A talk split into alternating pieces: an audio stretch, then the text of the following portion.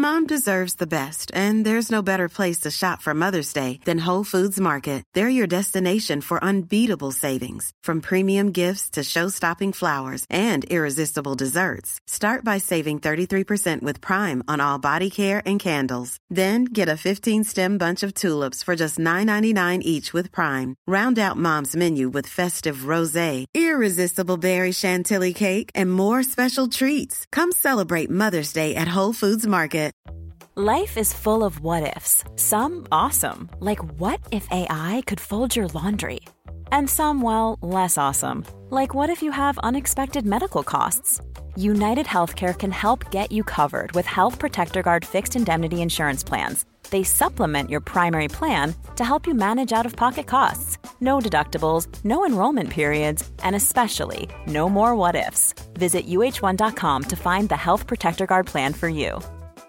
Jewelry isn't a gift you give just once. It's a way to remind your loved one of a beautiful moment every time they see it. Blue Nile can help you find the gift that says how you feel and says it beautifully with expert guidance and a wide assortment of jewelry of the highest quality at the best price. Go to BlueNile.com and experience the convenience of shopping Blue Nile, the original online jeweler since 1999. That's BlueNile.com to find the perfect jewelry gift for any occasion. BlueNile.com.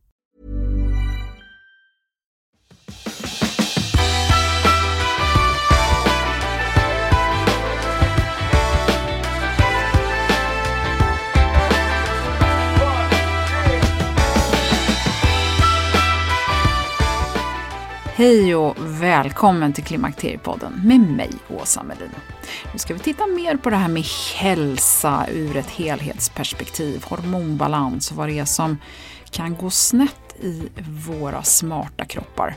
Varför börjar många diffusa symptom krypa på någonstans sådär i 40-50 års åldern? Och vad kan man göra själv? Och varför hänger inte vården med? För det här är ingen hemlig hokus pokus-forskning som sker i underjorden av några tvivelaktiga skummisar. Men eh, i Sverige så har vi faktiskt inte ens en universitetsutbildning som matchar vad som finns i många andra länder. Visst har vi dietister och näringsterapeuter, men i till exempel England så jobbar man med näringslära och funktionsmedicin som en brygga mellan skolmedicin och den komplementära medicinen kroppen. Och är det inte logiskt att reda ut varför vissa funktioner i kroppen inte funkar istället för att bara ta bort symptomen? Ja, jag går ju igång på det här och upprörs över att vi alla inte har tillgång till alla verktyg. Så jag fortsätter min mission med att vi kvinnor ska få koll och kunskap för att ta makt över vår hälsa själva. Maria Karlsson har mycket intressant kunskap med stort internationellt forskningsfokus. Så jag är jätteglad att få välkomna dig som lyssnar till det här avsnittet.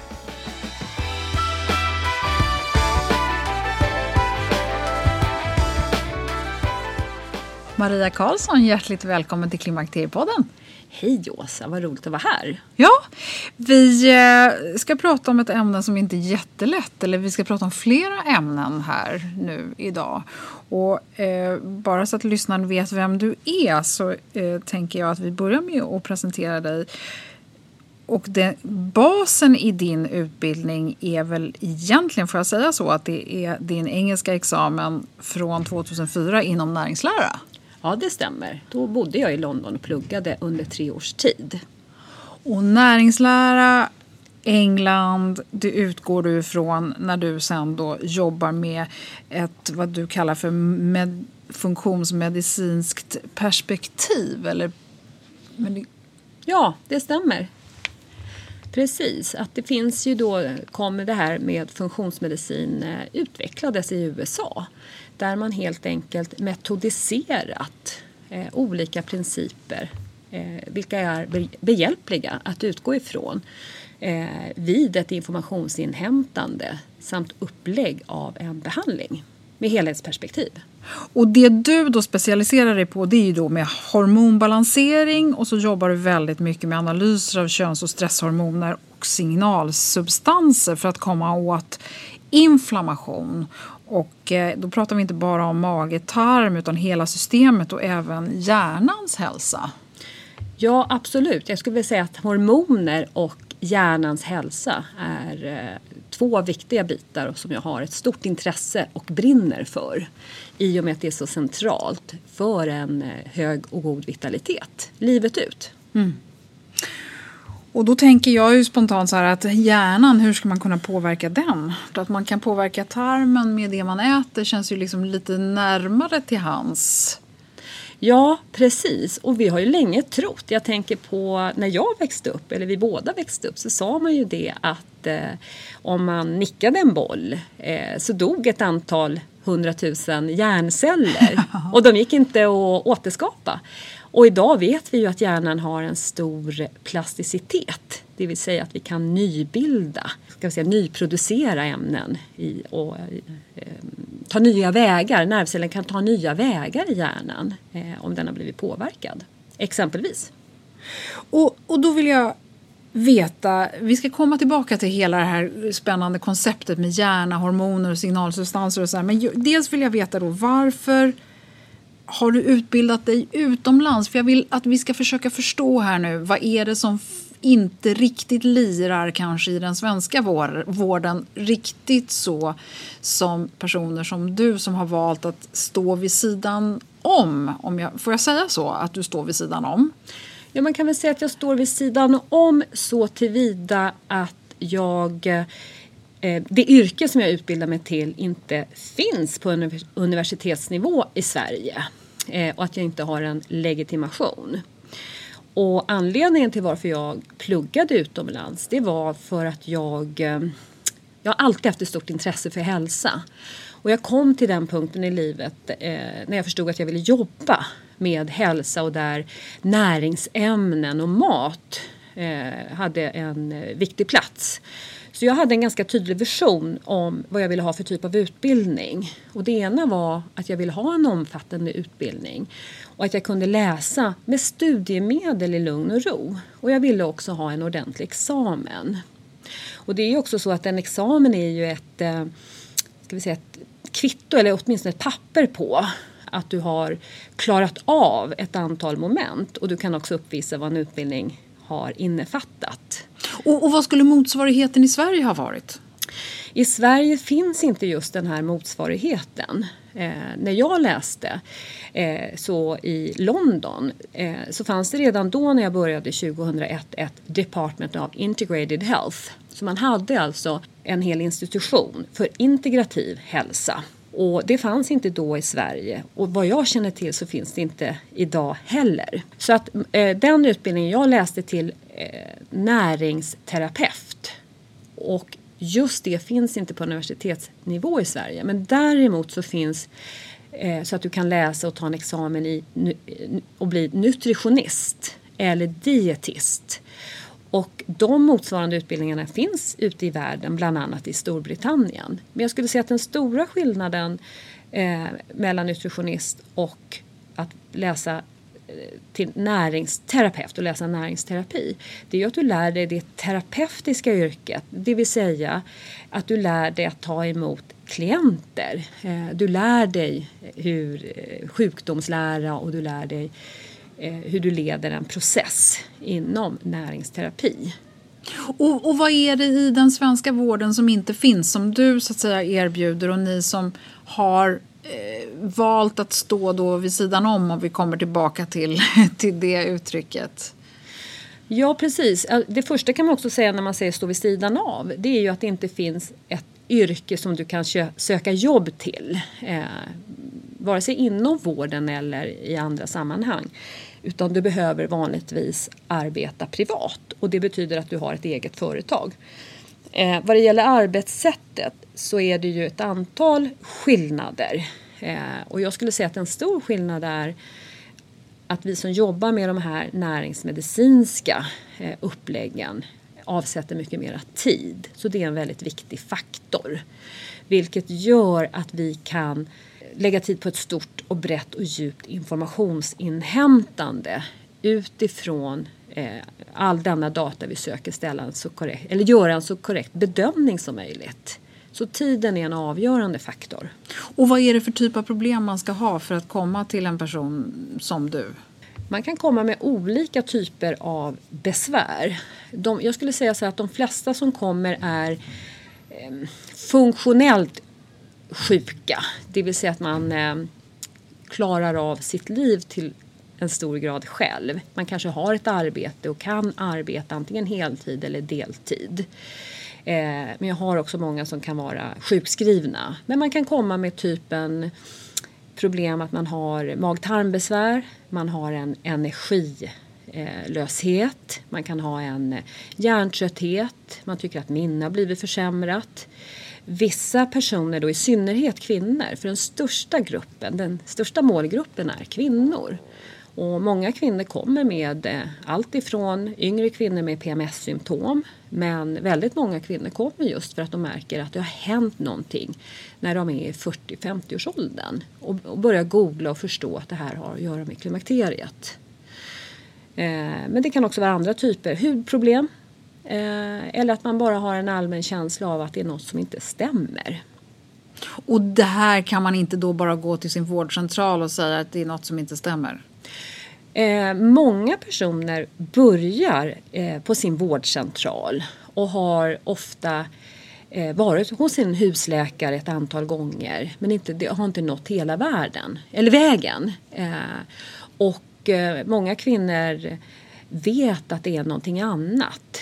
Eh, berättar de för mig att eh, jag kunde inte nöja mig med den typ av hjälp som min husläkare kunde ge mig.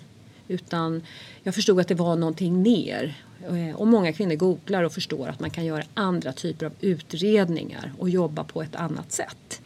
Och då den typen av utredningar som du sätter in, de kan ju inte då gärna leda till att man ska förskriva mediciner. Utan det, för, det handlar ju om att förskriva livsstilsförändringar, eller? Ja, till stor del handlar det om livsstilen. Den är alltid eh, ligger till grund. Eh, du kan inte leva så att säga mot evolutionen, att du inte sover, att du inte återhämtar dig, att du inte äter. Men om man sköter sig på alla dessa sätt, eh, till, stort, till stor del åtminstone, och du ändå inte mår bra, då behöver man ju titta vidare. Om jag ser att eh, låt säga man behöver en hormonförskrivning, om jag har identifierat det, så rekommenderar jag att kvinnan eh, söker sig till en eh, gynekolog för just hormonförskrivning. Mm. Och sen kan det vara sköldkörtelproblematik, tänker jag, det måste väl vara ganska vanligt. Och det måste ju finnas många andra sådana här lite bristämnen. Eller hur, vad är det du ser framförallt hos den som söker? Ja, jag skulle också säga det att det är väldigt sällan ett symptom är kopplat till en enda obalans. Så därför är det viktigt att kartlägga bredare och djupare för att söka fastställa och ringa in. Finns det exempelvis eh, olika typer av näringsbrister. Och eh, jag börjar vanligtvis vid en utredning med en ordentlig panel av blodprover eh, där man kan hitta många viktiga nycklar. Så det ligger alltid till grunden för att när man börjar höja näringstätheten och adressera eventuella näringsbrister eh, så är det så många gånger att ett symptom klingar av. Och det är också väldigt viktigt. Jag brukar säga att det är som att låta sanden sjunka till botten. Och när sanden väl sjunker till botten så får man klarare sikt och vilka symptom kvarstår. Lite vilka symptom är i navet och vad var det som var ute i periferin och störde. Så låt säga att du gör ett antal kost... Ge, ge ett konkret exempel så bara så att vi förstår bilden. Ja men låt säga så att, du ha, att jag har en kvinna som kommer med eh, magproblem. Hon har en svullen buk eh, och hon har eh, diarré. Eh, men utöver det så känner hon också att hon har ont i sina leder i händerna och hon kanske känner sig trött. Och att minnet inte är helt på plats. Om det finns mag-tarmbesvär så är det väldigt viktigt att börja i den änden i och med att matsmältningen har en sån central roll för vår hälsa. Och om vi då, om den här kvinnan gör ett antal kostförändringar eh, och magen lugnar ner sig, hon är mindre svullen och diarréerna försvinner. Ja, men då kan det också vara så att till exempel ledverken påverkas positivt och att hon känner sig mer energifylld och har mindre hjärndimma. Och med det sagt så är det alltså viktigt att börja i vad ska vi säga, rätt ände. Så att man inte söker, man söker förstå vad är det som driver de här symptomen. istället för att enbart fokusera på att behandla ett symptom. Utan med andra ord söka förstå vad kan ett symptom bero på. Och här har jag då så svårt att förstå att det ska behövas privata initiativ som, som personer som du. Varför funkar inte den svenska vården till det här? Ja, och det där är ju en jättestor fråga. Men en del i det som jag kan se det är ju att vi har en modell inom vården som är mer fokuserad på akuta processer, akuta obalanser men som inte huvudsakligen är utformad att jobba med det jag brukar säga de här multifaktoriella processerna som vanligtvis har pågått under många år och i slutändan bidrar till att man får ett väldigt tydligt symptom. Ett sådant exempel är ju eh, på ett helt annat tema, låt säga diabetes. Det vet vi är eh, en lång process eh, av olika livsstilar kan man säga som i slutändan kan leda till att man får diabetes. Men långt dessförinnan så har ju kroppen sökt hålla sitt blodsocker intakt men till slut går det inte längre. Det vill säga att det är många olika faktorer, vanligtvis då både vad det gäller kost och livsstil, som leder fram till att kroppen till slut inte kan hålla sin homeostas, det vill säga hålla ett korrekt blodsocker. Och många gånger är det ju det som också bidrar till dagens ohälsa. Och som svar på ja, varför finns inte det här inom vården? Ja, som jag kan se det så har vi alltså en form inom vården eh, att den har ett annat verksamhetsområde. Att den inte är utformad för att arbeta med ohälsa som uppkommit under många år. Skulle man kunna förenkla det och säga att vi är jätteduktiga på trauma och akutsjukvård där det krävs en specialist, en insats snarare än en hel bukett med olika kunskaper? Om man ska hårdra det så är det mer åt det hållet, absolut. Eh, för det är vården väldigt duktig på. Sen har vi olika buketter inom vården. Där man, men det är fortfarande vanligt att man kan säga att respektive specialitet jobbar i sin silo. Och att varje specialitet utgår ifrån eh, sin kompetens. Men att man kanske inte alltid tittar på människan som en helhet. Exempel, om man har ett eksem eh, så går man till sin hudläkare. Men kommer man till mig med sitt eksem så tänker jag, vad kan eksemet bero på? Kan det ha att göra med att tarmens eh, integritet är påverkad? Jag brukar kalla tarmen för vår inre hud. Så kan det möjligtvis ha påverkat den yttre huden kan det vara så att ett eksem är kopplat till nivå av D-vitamin eller fettsyror eller någonting som man äter. Nej, för jag tänker så här, det känns ju inte som någon rocket science egentligen. Att, eh, säger man inte så här att utsidan är insidans spegel eller hur, hur, brukar man säga? Jag vet inte om det är mitt eget påhitt här nu. Det känns ju inte jättekonstigt att tro att yttre symptom hänger ihop med någonting som händer, händer inne i kroppen. Nej men precis.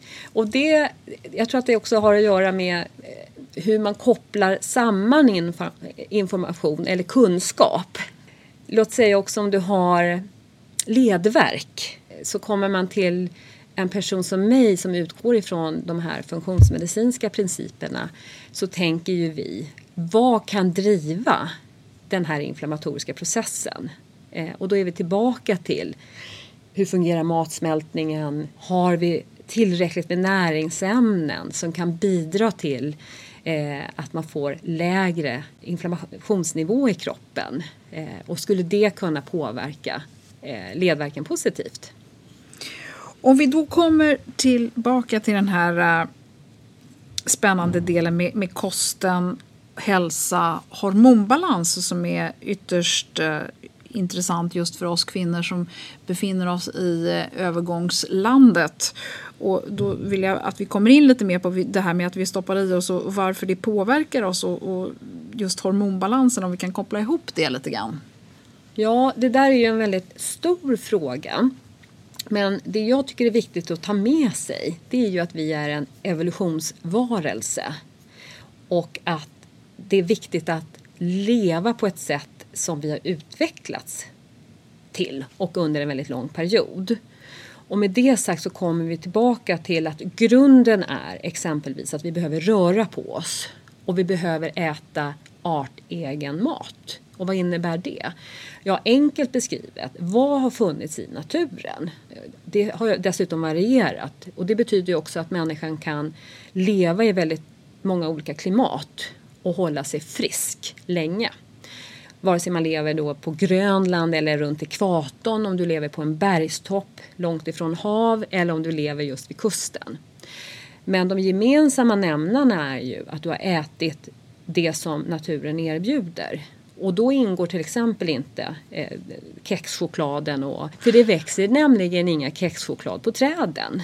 Så det tycker jag är den grundläggande principen. Eh, och en annan faktor är ju att eh, Eh, när vi ät, ät, att äta ska ju inte vara... Eh, alltså man äter ju näringstätt för att ge energi och näringsämnen.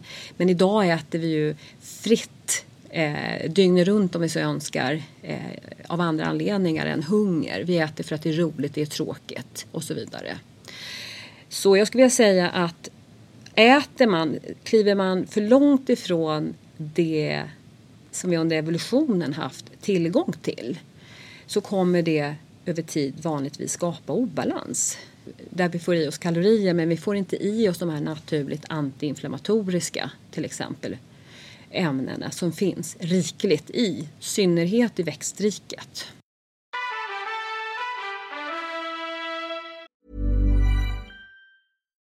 One size fits all seems like a good idea for clothes until you try them on. Same goes for healthcare. That's why United Healthcare offers flexible, budget friendly coverage for medical, vision, dental, and more. Learn more at uh1.com. Hey, I'm Ryan Reynolds. At Mint Mobile, we like to do the opposite of what Big Wireless does. They charge you a lot, we charge you a little. So naturally, when they announced they'd be raising their prices due to inflation, we decided to deflate our prices due to not hating you. That's right. We're cutting the price of Mint Unlimited from $30 a month to just $15 a month. Give it a try at mintmobile.com slash switch. $45 upfront for three months plus taxes and fees. Promo for new customers for limited time. Unlimited more than 40 gigabytes per month. Slows. Full terms at mintmobile.com. There's never been a faster or easier way to start your weight loss journey than with PlushCare. PlushCare accepts most insurance plans and gives you online access to board-certified physicians who can prescribe FDA-approved weight loss medications like Wigovi and Zepbound for those who qualify. Take charge of your health and speak with a board-certified physician about a weight loss plan that's right for you. Get started today at plushcare.com slash weight loss. That's plushcare.com slash weight loss. plushcare.com slash weight loss.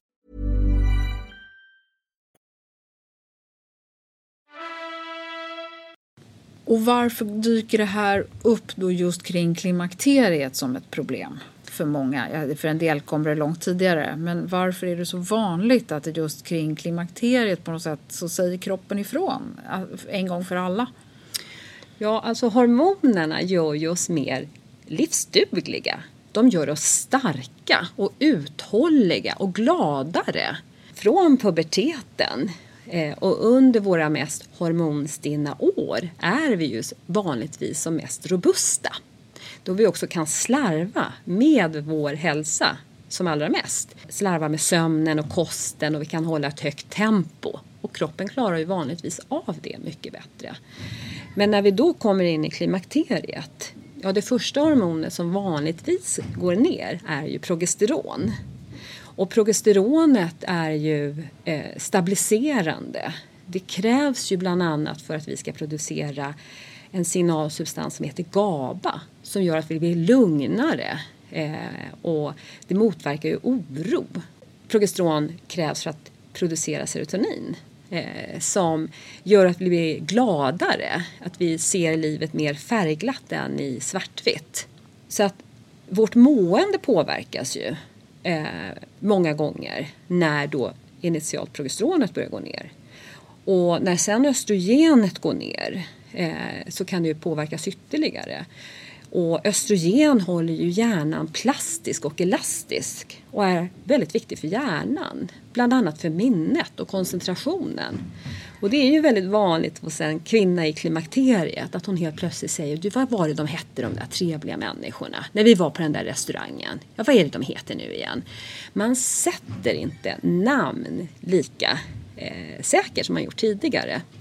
Så att man kan väl säga att när hormonerna börjar gå ner så kommer våra sårbarheter lättare fram. Och en sån viktig faktor vad gäller östrogen är att det är antiinflammatoriskt. Och det är också någonting som man diskuterar idag.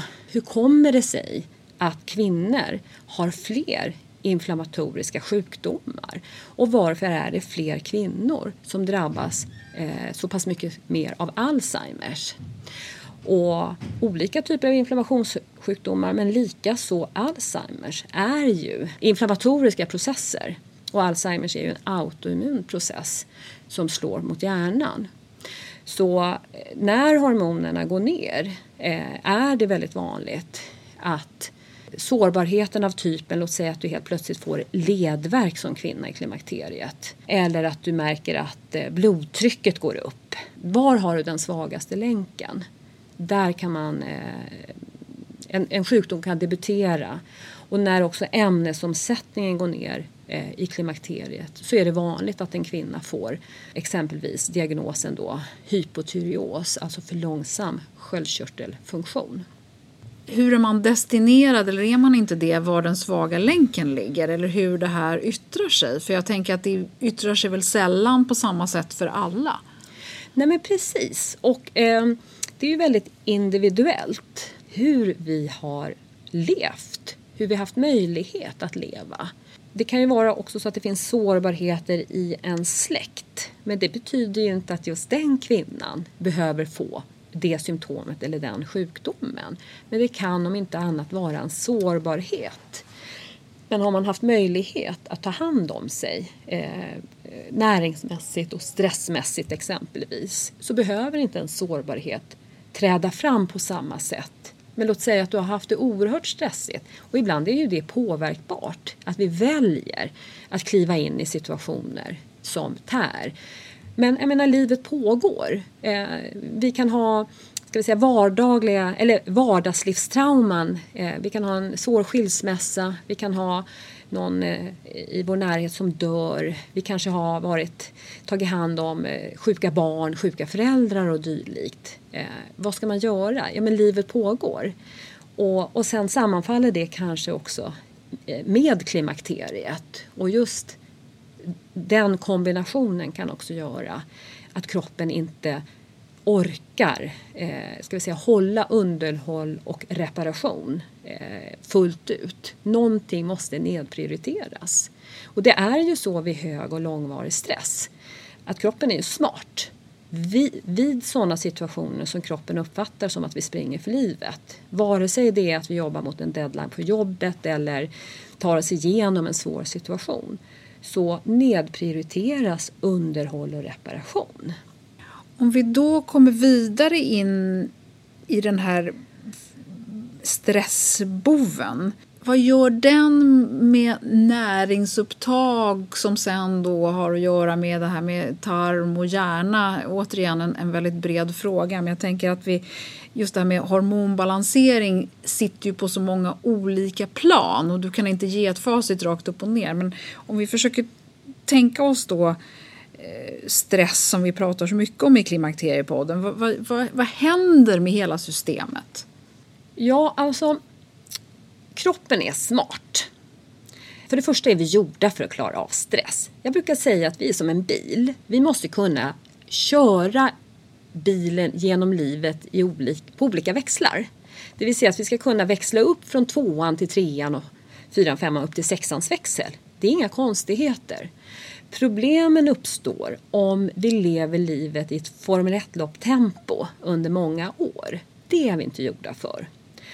Och vid sådana situationer, vare sig det är ska vi säga, självpåtaget eller av nöd, så kommer kroppen styra om i sin ska vi säga, produktion av hormoner. Så att vi fokuserar på att producera ämnen som främjar överlevnad. Och då kommer ju kroppen att ägna sig mindre åt just underhåll och reparation. Och där ingår ju matsmältningen. Och det är säkerligen en av anledningarna till varför det är så vanligt med mag-tarmbesvär. För att många av oss har ett högre tempo i vår vardag till stor del än vad vi är gjorda för. Och exempel då på en nedreglerad matsmältning. Det kan ju vara just att man får en svullen buk efter måltid, eh, att man får sura uppstötningar, eh, att man blir förstoppad eller får eh, diarréer. Så nu är det ju så att ta, kroppen är fantastisk på att nybilda sig och vi bygger ju eh, nya celler i eh, mag och tarmslemhinna varje vecka. Så att om kroppen får rätt förutsättningar, om vi har möjlighet att dra ner på tempot och sova och äta näringstätt så kan vi ju ganska snabbt komma tillbaka till en god matsmältning. Och sen har vi kopplingen till eh, hjärnan. Det är ju också en stor fråga för det är väldigt individuellt hur en långvarig stress Eh, ska vi säga, svarar, eller hur hjärnan svarar på långvarig stress. Och det är många olika delar. Men man kan, om vi tar det från mag-tarmperspektivet så hög stress över lång tid kan påverka hela vår eh, tarmflora som man även brukar kalla för ett mikrobiom. Det är ju som ett eget universum i tarmen och med mängder med olika typer av bakterier. Och den här balansen kan rubbas, hög och lång stress. Eh, enbart av den, den typen av stress. Förutom att den här höga stressen vanligtvis också för med sig att vi kanske inte äter lika bra. Vi tar, börjar ta genvägar. Och vi kanske inte tycker att vi har tid att tugga maten. Och som, som vi alla vet så finns det inga tänder i magsäcken. Så att det kan påverka då när vi inte varje del varje organdel kopplat till matsmältningen inte gör sitt, det vill säga munnen tuggar och utsöndrar saliv och så vidare. Så vi har ju nu kommit dithän att vi vet att de här tarmbakterierna är väldigt viktiga. Det är som ett eget kommunikationssystem som bland annat kommunicerar med vår, vår hjärna. Så har vi då en obalans i det här mikrobiomet så kan då andra typer av signaler gå upp till hjärnan. Men en stor och viktig del just vad gäller hög stress och hjärnan det är ju att man vet att olika delar påverkas. Och en sån del är eh, hippocampus som har väldigt många receptorer för kortisol. Eh, så man kan säga att hjärnan, just hippocampus då bland annat, översköljs av kortisol vid väldigt hög och långvarig stress. Och över tid så har man sett att hippocampus kan börja krympa på grund av detta. Och vilken funktion har hippocampus? Och hippocampus är oerhört centralt för minnet. Mm. Så här har vi kanske grunden då för Alzheimers eller demens senare i livet? Eh, man kan säga så att demens, eh, där Alzheimers är den eh, ska jag säga, största sjukdomen, den största demenssjukdomen den är ju multifaktoriell. Och idag så vet vi väldigt mycket mer om hjärnan. Men hög och långvarig stress vet man idag eh, påverkar hela den här täta blod-hjärnbarriären som vi har. Och den består ju också av ett eget immunförsvar. Hjärnan har ju ett eget immunförsvar eh, där bland annat då de här gliacellerna ingår som man inte för allt för många år sedan, en 20-30 år sedan, huvudsakligen trodde eh, var stödjeceller till vår hjärna. Men idag vet man att de ingår i hjärnans intrikata immunförsvar. Och det påverkas. Så för att koppla det också till tarm så kan alltså en obalans i tarmfloran men också en hög och långvarig stress påverka den här täta blod-hjärnbarriären eh, och göra att den blir mer genomsläpplig. Och det i sin tur kan alltså medföra att hjärnans immunförsvar i just kopplat till blod-hjärnbarriären kan skicka signaler in i hjärnan som också påverkar hjärnans funktion och man kan alltså få en inflammationsprocess i hjärnan. Men just om vi tittar på Alzheimer så är det många olika faktorer som kan bidra. Och är man väldigt intresserad av de här frågorna som är viktiga i och med att sjukdomar på hjärnan har blivit väldigt vanliga eh, så kan man ju bland annat läsa en bok av en eh, Alzheimers forskare som heter Dale Bradison. Och den boken är också översatt till svenska och heter Slutet på Alzheimers. Mm. Hjärnans immunförsvar, är det inte kroppens immunförsvar utan det är hjärnan som försvarar sin egen funktion? Är den så att säga isolerad? Ingenting i kroppen är isolerat. Eh, allt kommunicerar med varandra. Och vi har ju olika specialiserade immunförsvar. Men hjärnans immunceller är lokaliserade eh, ska vi säga, i eller kring hjärnan. Men kommunicerar definitivt med övriga kroppen. Maria, vi gör så här att vi tar en paus här och så får man gå hem och fundera lite på vad man har hört nu för det här var kanske inte exakt vad man ville höra. För det här kändes ju väldigt stort och kanske besvärligt och man kanske behöver eh, låta det sjunka ner. Så i nästa avsnitt så ska du och jag ta vid med hur man botar de här dåliga näringsupptagen och hur man sen kan komma vidare i det här och hur man ens vet vad som är vad och hur man ska ta tag i det. Så jag tackar dig så hjärtligt för nu. Och så får du som lyssnar, du får ge dig till tåls till nästa vecka för då fortsätter vi den här superspännande diskussionen. Tack Maria! Så gärna, då hörs vi igen. Ja!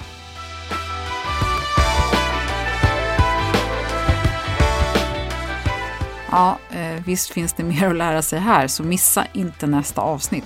Jag tänkte bara berätta en sak som hänt mig. Förutom en massa andra saker nu kring klimakterieåren så fick jag otroligt dålig hy för ungefär tre år sedan. Och jag förstod absolut inte varför. Först så trodde jag att det var finnar och sen fick jag diagnosen rosacea och jag fick någon form av antibiotika som tillsammans med en kräm tog bort allt det här på några månader. Men sen var det uppenbart att det delvis kom tillbaka och drevs av vissa saker jag åt. Men jag hade inte så lätt att få ihop det. Men så småningom så gjorde jag i alla fall en ordentlig översyn och inventering av mitt liv och leverna. Ja, och det var saker som jag åt helt enkelt som min mage och tarm inte tål. Och nu, voilà, när jag har rätt ut det här så har jag fin hy igen. Ja, för den som är nyfiken på hur jag såg ut som värst så kan ni kika in på Klimakteriepoddens Facebook-sida där jag bjuder på ett par väldigt osmickrande bilder. Där hittar du också länkar till bland annat ett par spännande Youtube-klipp med Dale Bredesen som Maria talade om. Hemsidan klimakteriepodden.se är uppdaterad med mer info och där hittar du massor med extra material till varje avsnitt om du vill läsa och lära dig mer. Jag som vet vad som kommer i nästa avsnitt med Maria Karlsson kan säga, missa inte det för det är så spännande. Där får du bland annat mer kunskap om hjärnan, inflammation och kostupplägg och varför det är så viktigt att sköta om sin hälsa för att ge östrogen och progesteron en chans att gagna dig. Så varmt tack för att du lyssnat och välkommen snart igen. Hej då!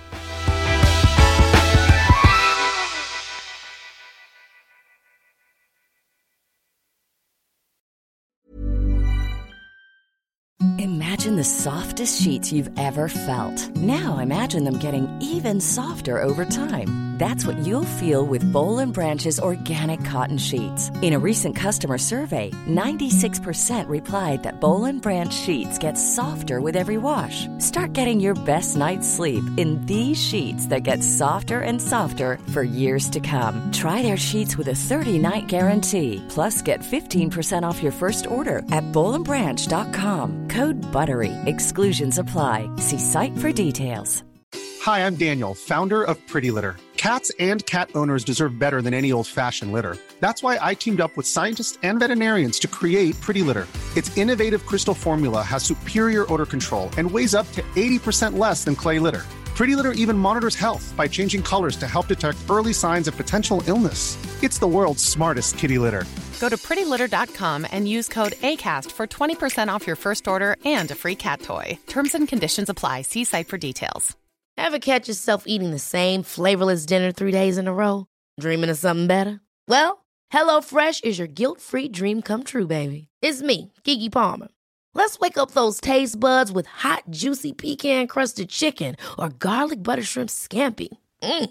Hello Fresh. Stop dreaming of all the delicious possibilities and dig in at HelloFresh.com. Let's get this dinner party started.